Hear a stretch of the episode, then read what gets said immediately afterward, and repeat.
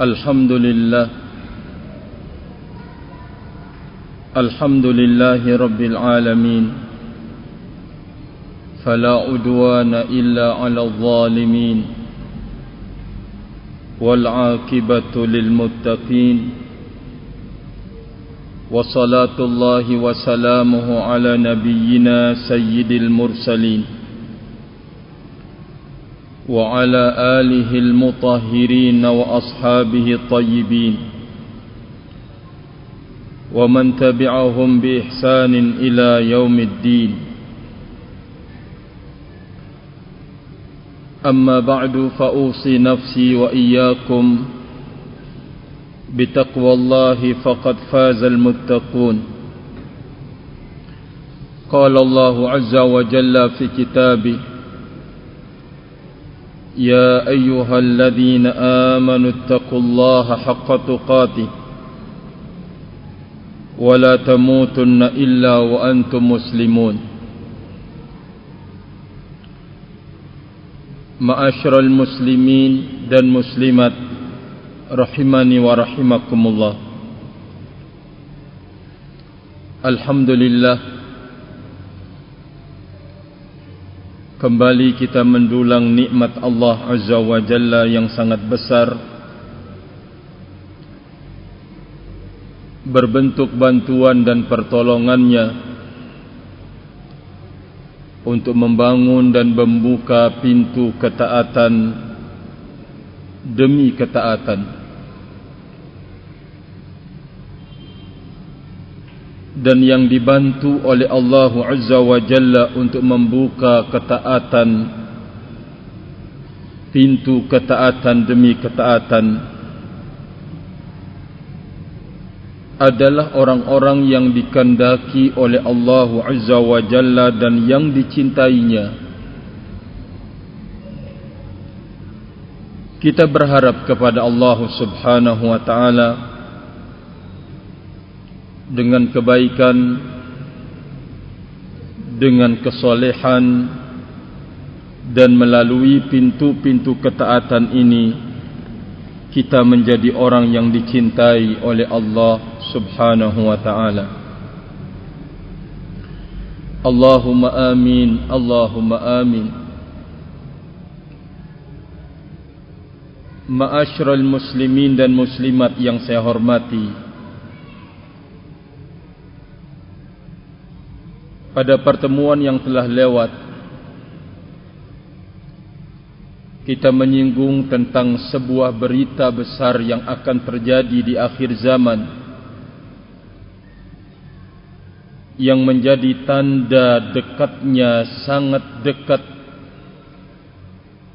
sekaligus tanda besar akan kehancuran kehidupan dunia ini telah kita sebutkan pada pertemuan yang telah lewat di antara tanda-tanda besar itu adalah keluarnya Ad-Dajjal. Disebut dengan Ad-Dajjal karena dia adalah pendusta kelas berat pendusta kelas kakap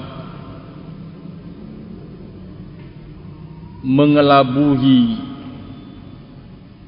siapapun dari hamba-hamba Allah Subhanahu wa taala. Tentunya dalam setiap perjalanan kejahatan manusia terbagi menjadi dua ada yang menentang dan menolak kejahatan itu. Dan ada yang serta-merta menerima dengan lapang dada. Pendusta kelas berat yaitu dajjal. Akan kita sebutkan sifat-sifat yang telah dijelaskan oleh kita Muhammad sallallahu alaihi wa ala alihi wasallam memang benar-benar penipu paling tinggi. pada pertemuan yang telah lewat kita menyebutkan melalui lisan nabi kita Muhammad sallallahu alaihi wasallam bahwa yang akan banyak dan terbanyak menjadi pengikutnya dajjal adalah kaum Yahudi yang kedua adalah kaum wanita yang telah kita singgung pada pertemuan yang telah lewat. Oleh karena itu kita berpesan kepada segenap kaum hawa bahawa kita tidak pernah akan menjadi wanita yang salihah. Wanita yang mulia dan terhormat. Kalau kita tidak mengikat hidup kita dengan aturan-aturan agama kita tidak pernah akan menjadi wanita salihah. Kita tidak akan pernah menjadi wanita yang mulia dan terhormat kalau kita tidak mengikat hidup ini dengan aturan-aturan agama wanita-wanita yang silam yang telah disanjung dan dipuji oleh Allah Azza wa Jalla baik di dalam Al-Quran atau melalui lisan nabinya Muhammad sallallahu alaihi wasallam mereka adalah wanita-wanita pejuang. Mereka adalah wanita-wanita yang siap untuk berkorban. Wanita siap untuk berkorban di saat permusuhan yang diarahkan kepada keimanan mereka sangat-sangat tinggi. Kita masih mendengar sederetan nama-nama wanita yang disebut sebagai wanita syahidah pertama kali di dalam Islam adalah seorang wanita yang bernama Sumayyah. Ibunya Ammar istri dari Yasir.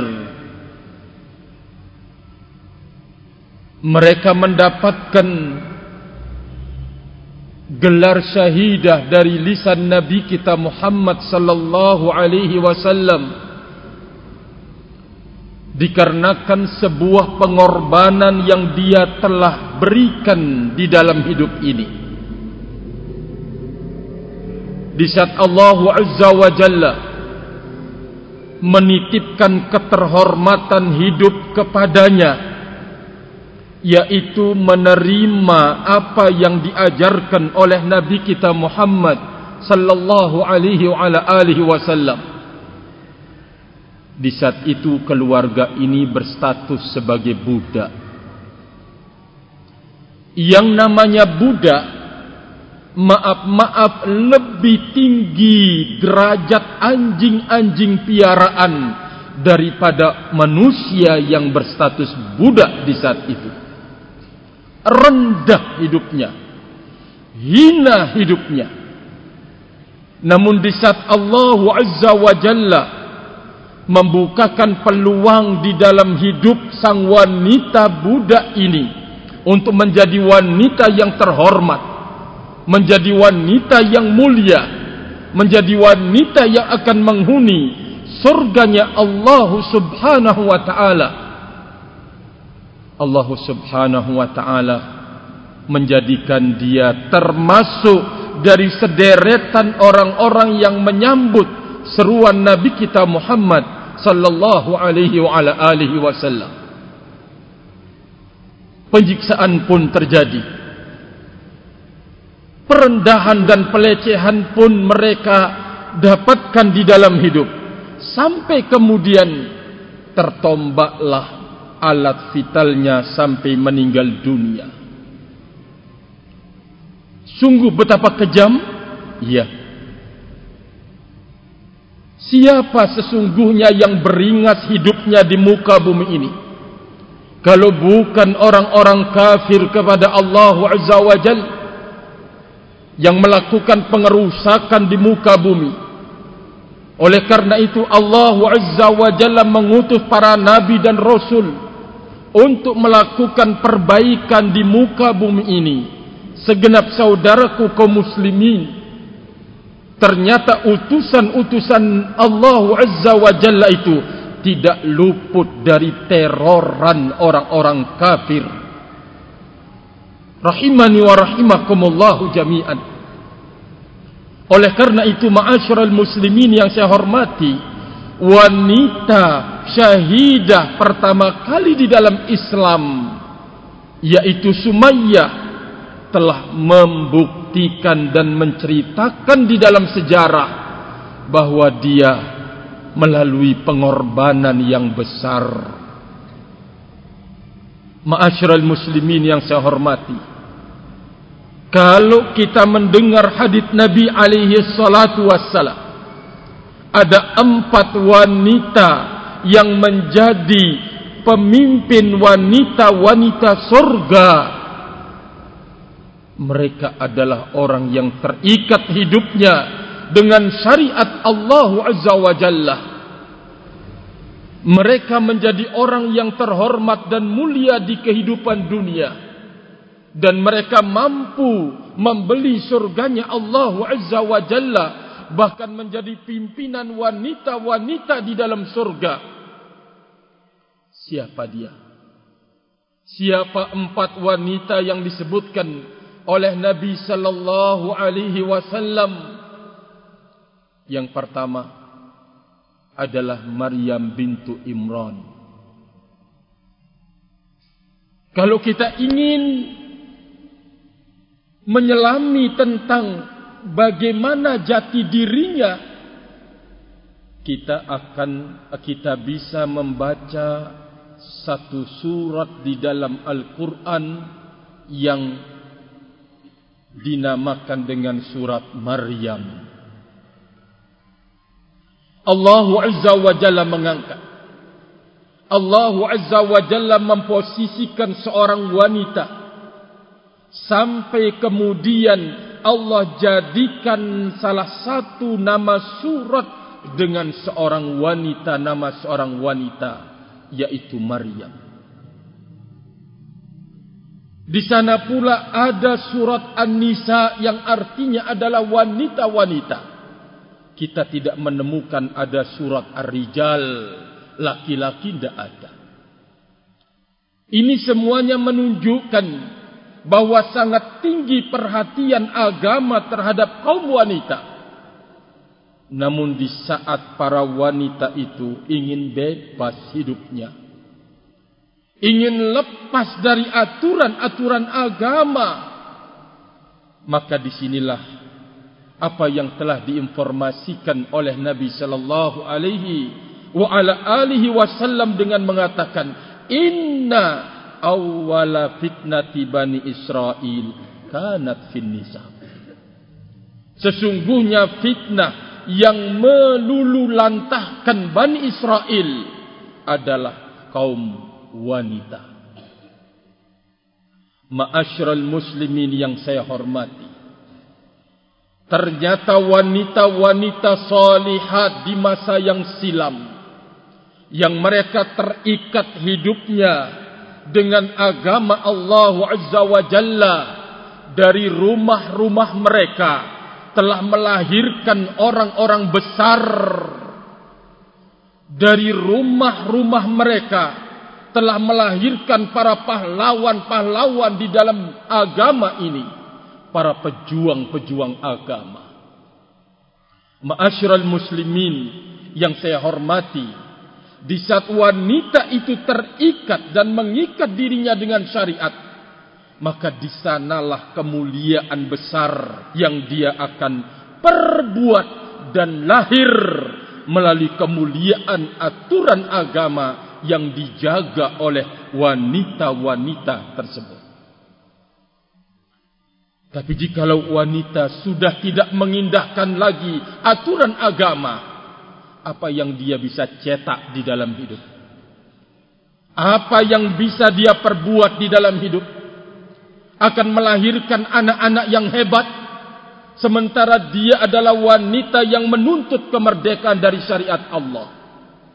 Apakah dia kemudian bercita-cita untuk memajukan negeri ini sementara dia tidak mengikat hidupnya dengan tuntunan-tuntunan agama maka jangan bermimpi ma'asyiral muslimin. Kita akan bisa berbuat yang terbaik buat negeri kita ini dengan meninggalkan aturan-aturan agama.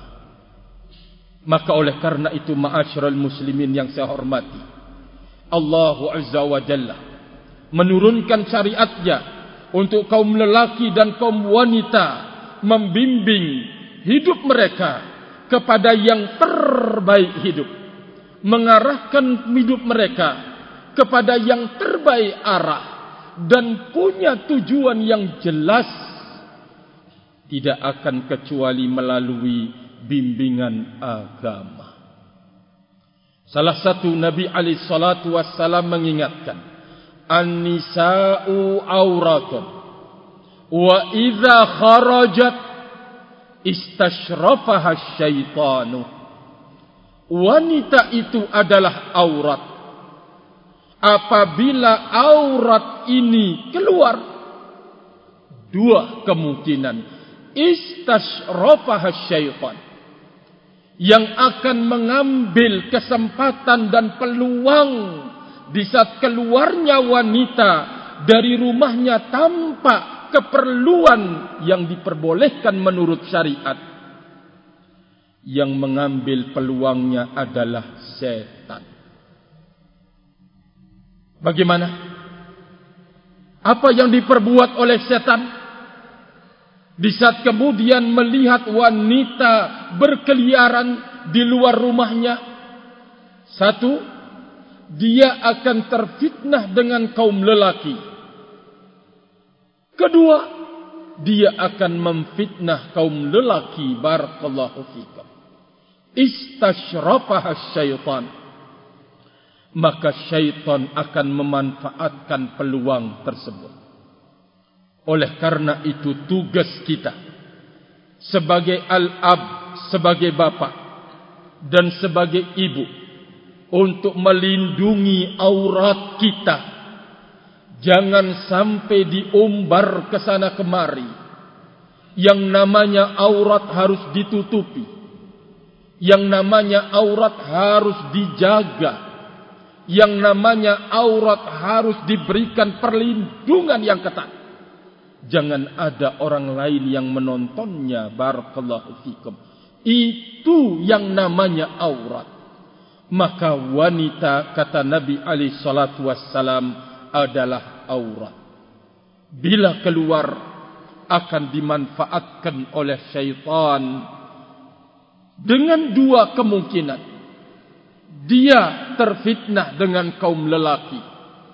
Betapa banyak wanita yang sudah punya suami lalu kemudian mencari lelaki yang lain maaf-maaf. Ini yang sudah menikah. Bagaimana lagi kalau dia belum menikah? Barakallahu fikum lebih sangat-sangat mengerikan lagi. Maka oleh karena itu sekali lagi, wahai saudara-saudariku, bahwa kita tidak pernah akan menjadi orang salehah, wanita yang salehah, wanita yang mulia, wanita yang terhormat kecuali di saat kita mengikat hidup dengan aturan-aturan agama. Kita belajar tuntunannya. Kita belajar bimbingannya. Bimbingan agama sebagaimana yang telah dibimbingkan oleh generasi pertama umat ini para sahabat Nabi ridwanullah alaihim ajma'in ujung dan penutupnya adalah di akhir zaman di saat para dajjal itu atau di saat dajjal itu keluar maka yang banyak pengikutnya adalah dari kaum wanita. Ma'asyiral muslimin dan muslimat yang saya hormati. Keberikutnya termasuk dari pengikut dajjal yang terbanyak adalah al-a'rab. Al-a'rab orang yang jauh dari sentuhan agama. Orang yang hidup di kampung-kampung yang sangat terpencil. Lalu kemudian jauh dari agama Allah Subhanahu wa taala. Maka karena jauhnya mereka dari agama Allah menjadi pengikut dajjal yang terbanyak ma'asyiral muslimin yang saya hormati. Juga kata Nabi alaihi salatu wassalam yang akan mengikuti Dajjal adalah 70 ribu. Dari orang-orang Yahudi Asfahan dari golongan orang-orang Yahudi Asfahan Dajjal kata beliau berjalan di muka bumi ini kal ghaib bagikan hujan begitu cepat yang ditiup oleh angin. Dua negeri yang tidak akan bisa dilalui dan dimasuki oleh Dajjal adalah Makkah dan Madinah kata Rasulullah alaihi salatu wassalam. Yang tidak akan bisa dilalui atau masuk ke dalam wilayah tersebut adalah Makkah dan Madinah. Karena Rasul salatu wassalam menyebutkan bahwa di pintu kota Mekah dan Madinah itu dijaga ketat oleh para malaikat. Sehingga Dajjal tidak akan memasuki dua kota yang suci tersebut Makkah dan Madinah. Rasul alaihi salatu wassalam menyebutkan berapa lama Dajjal dari munculnya sampai kemudian terbunuhnya di tangan Nabiullah Isa alaihi salatu wassalam. Rasulullah alaihi salatu wassalam bercerita. Lamanya Dajjal di muka bumi ini adalah arba'una yauman. Empat puluh hari. Empat puluh hari. Dari empat puluh hari Nabi Sallallahu Alaihi Wasallam menyebutkan satu hari dari empat puluh hari itu seperti kehidupan satu tahun. Empat puluh hari Dajjal berada di muka bumi ini. Dari empat puluh hari itu, kata Nabi alaihi salatu wassalam, satu hari bagikan satu tahun lamanya. Sementara perjalanan Dajjal bagikan angin yang di, bagikan hujan yang ditiup perjalanan yang sangat cepat untuk bisa mencapai satu negeri untuk mendakwahkan kekufuran dan kekafirannya kepada Allah Azza wa Jalla. Dari 40 hari masa Dajjal di muka bumi, satu hari bagikan satu tahun. Satu hari keberikutnya bagikan satu bulan. Satu hari keberikutnya kajumaatin seperti satu minggu dari Jumat ke Jumat. Wabaki ayamihi kal'ada. Sisa dari hari-hari itu adalah seperti hari-hari biasa. Satu hari bagikan satu tahun. Satu harinya lagi bagikan satu bulan. Satu harinya lagi bagikan satu minggu. Sisa harinya itu sebagaimana hari-hari yang biasa kata Rasul alaihi salatu wassalam. Rasulullah alaihi salatu wassalam memberitahukan kepada kita di antara ciri-cirinya adalah a'warul ain a'war buta matanya sebelah maktubun baina ainaihi tertulis di antara kedua matanya itu. Kaf fa ra. Kafara di dalam riwayat kafir. Tertulis barakallahu fikum di antara mata si dajjal ini tertulis yaitu ka fa ra Kemudian beliau menjelaskan yaqra'uhu al-mu'minu faqat. Yang akan mem bisa membaca tulisan kaf fa ra itu hanya orang-orang yang beriman saja yang akan bisa membacanya ma'asyiral muslimin yang saya hormati. Ya tentunya jangan sampai kemudian Barakallahu fikum Kita berangan-angan kepingin Ketemu dengan Dajjal Dalam kondisi beriman. Jangan. Nabi kita alaihi salatu wassalam telah berpesan Untuk kita berlindung dari fitnahnya Dajjal Di antara fitnahnya Dajjal Sungguh amat sangat besar yang sangat sulit seseorang akan bisa selamat kecuali orang-orang yang dirahmati oleh Allah. Sudah disebutkan di depan bahwa dia mengaku sebagai Rabbul Alamin. Termasuk di antara keluar biasaan dititipkan oleh Allah kepada Dajjal kemampuan yang tinggi sekaligus menjadi buah ujian bagi hamba-hamba Allah Azza wa Jalla annahu ya'muru sama fatumtir.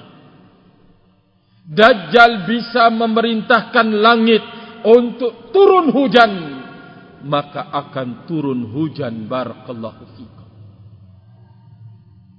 Wal arda fatambut memerintahkan bumi untuk menumbuhkan tanaman akan tumbuh segenap saudaraku kaum muslimi dan muslimat yang saya hormati. Berarti ngeri fitnahnya Dajjal. Bagaimana ngeri kalau di masa kita sekarang ini dihadapkan oleh kekurangan sedikit saja. Atau mungkin diuji dengan perekonomian yang goyang dan goyah sudah semua orang kita salahkan. Kita jadikan kambing hitam sampai kemudian barakallahu fikum menyalahkan mungkin pemimpinnya sendiri yang dijatuhkan padahal semua yang terkait dengan kebutuhan hidup itu ada dalam aturan Allah Azza wa Jalla. Allah yang mengaturnya. Allah Azza wa Jalla yang akan menjalankan sesuai dengan ketentuan dan keputusan yang telah tertulis dalam takdir-takdir masing hambanya. Ketika kita diuji dengan kekurangan, kita tidak mampu. Di saat kita diuji dengan secuil duniawi, maaf-maaf, kita juga tidak punya kemampuan kecuali harus ikut berlomba-lomba mengejarnya. Tidak bisa menahan diri kita untuk bersabar. Ma'asyarul muslimin yang saya hormati. Ini imannya kita, kadarnya seperti itu. Bahkan sampai Nabi SAW menyebutkan. Di sore hari seseorang beriman. Di pagi hari berubah menjadi kafir karena ujian dan cobaan. Begitu sebaliknya, Di pagi hari dia beriman, di sore hari dia kafir. Melelang agamanya dengan secuil duniawi. Bagaimana? Kalau Dajjal itu datang memerintahkan langit untuk menurunkan hujan, akan turun hujan. Lebih mengerikan lagi ma'asyiral muslimin yang saya hormati. Oleh karena itu Nabi alaihissalatu wassalam menyuruh kita untuk berlindung dari fitnahnya Dajjal. Keberikutnya kata Nabi alaihissalatu wassalam bersama Dajjal itu adalah surga dan neraka. Allahu Akbar. Betapa dahsyat fitnahnya Dajjal. Yang menjadi tanda terbesar terjadinya hari kiamat dihancurkan dunia ini sehancur-hancurnya oleh Allah Azza wa Jalla ma'asyiral muslimin yang saya hormati Rasulullah alaihi salatu wassalam menyebutkan tapi surga yang dibawa itu pada hakikatnya neraka. Dan neraka api yang dibawa itu pada hakikatnya adalah api yang dibawa pada hakikatnya adalah surga. Dan surga yang dibawanya pada hakikatnya adalah api. Mampukah kita menghadapi tipu daya dajjal tersebut? Kalau kita mau jujur dengan kadar iman kita seperti ini. Dengan kadar ilmunya kita seperti ini. Dengan kadar ibadah dan ketaatan kita kepada Allah dengan kadar seperti ini tidak akan sanggup untuk menghadapi fitnahnya dajjal. Ma'asyiral muslimin yang saya hormati oleh karena itu Nabi alaihi salatu wassalam memperingatkan kita darinya man sami'a bihi falyan'a anhu Barang siapa yang mendengar kalau Dajjal ini sudah dekat, maka dia harus segera menyingkir. Dia harus segera menyingkir. Harus mencari perlindungan dari fitnahnya Dajjal tersebut. Waman adrakahu namun barang siapa yang menjumpai Dajjal kata Rasulullah alaihi salatu wassalam falyaqra alaihi fawatiha suratil kahfi atau bi fawatiha suratil kahfi. Kalau ada yang bertemu dengan dajjal maka bacalah awal surat al-kahfi kata Rasulullah sallallahu alaihi wa ala alihi wasallam Ma'asyiral muslimin yang saya hormati dan yang saya muliakan. Oleh karena itu, di saat Nabi alaihi salatu wassalam bercerita tentang dahsyatnya fitnah dajjal, kita dituntut untuk selalu menjaga keimanan kita. Karena hari kiamat itu adalah rahasia Allah Azza wa Jalla akan bisa terjadi kapan saja. Maka yang harus kita jaga di dalam hidup ini dan yang harus kita pertahankan adalah keimanan kita. Jangan ada dunia datang menawar keimanan kita lalu kita mau melelangnya ma'asyiral muslimin yang saya hormati. Jangan.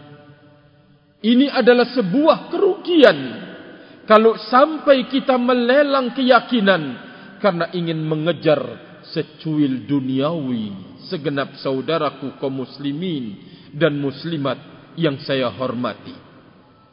Maka fitnah dajjal adalah besar. Oleh karena itu pesan-pesan Nabi kita alaihi salatu wassalam Jangan sampai kita anggap sesuatu yang pesan belum terjadi. sesungguhnya telah bermunculan para dajjal-dajjal di tengah umat ini sampai Nabi alaihi wasallam menyebutkan akan muncul di tengah umatku dajjalun salasun tiga puluh para dajjal kulluhum yadda'un kulluhum yadda'u annahu nabi. Dari tiga puluh dajjal-dajjal itu kata Rasul alaihi salatu wassalam semuanya mengaku sebagai nabi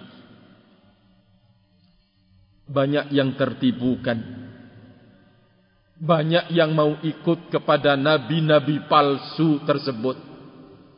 Rahimani wa rahimakumullahu jami'an. Ini dari manusia yang seorang beriman tahu kalau tidak ada nabi dan rasul sepeninggal nabi kita Muhammad sallallahu alaihi wasallam. Tapi di saat ada orang yang mengaku diri sebagai nabi atau diakui, kita ikut mempercayainya. Bagaimana kalau Dajjal nanti mengaku diri sebagai Tuhan lalu membuktikan kemampuan yang telah dititipkan oleh Allah sebagai ujian bagi manusia tentu akan kita berguguran ma'asyiral muslimin yang saya hormati dan yang saya muliakan.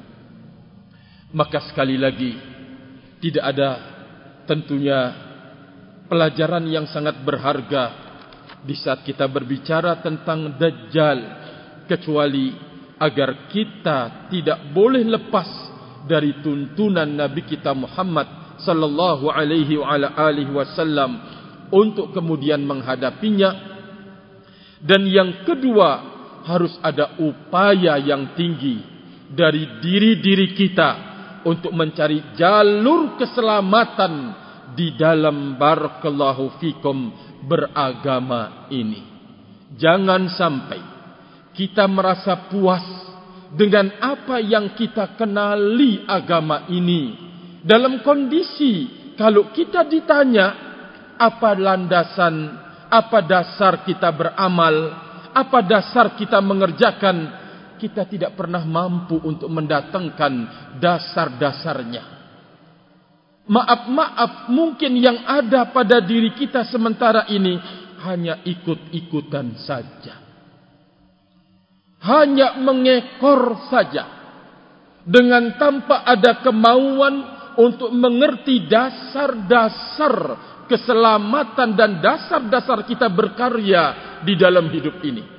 Padahal Allah Azza wa Jalla telah menyempurnakan di dalam menurunkan aturan dan bimbingan beramal tapi terkadang kita senang maaf-maaf untuk keluar dari tuntunan agama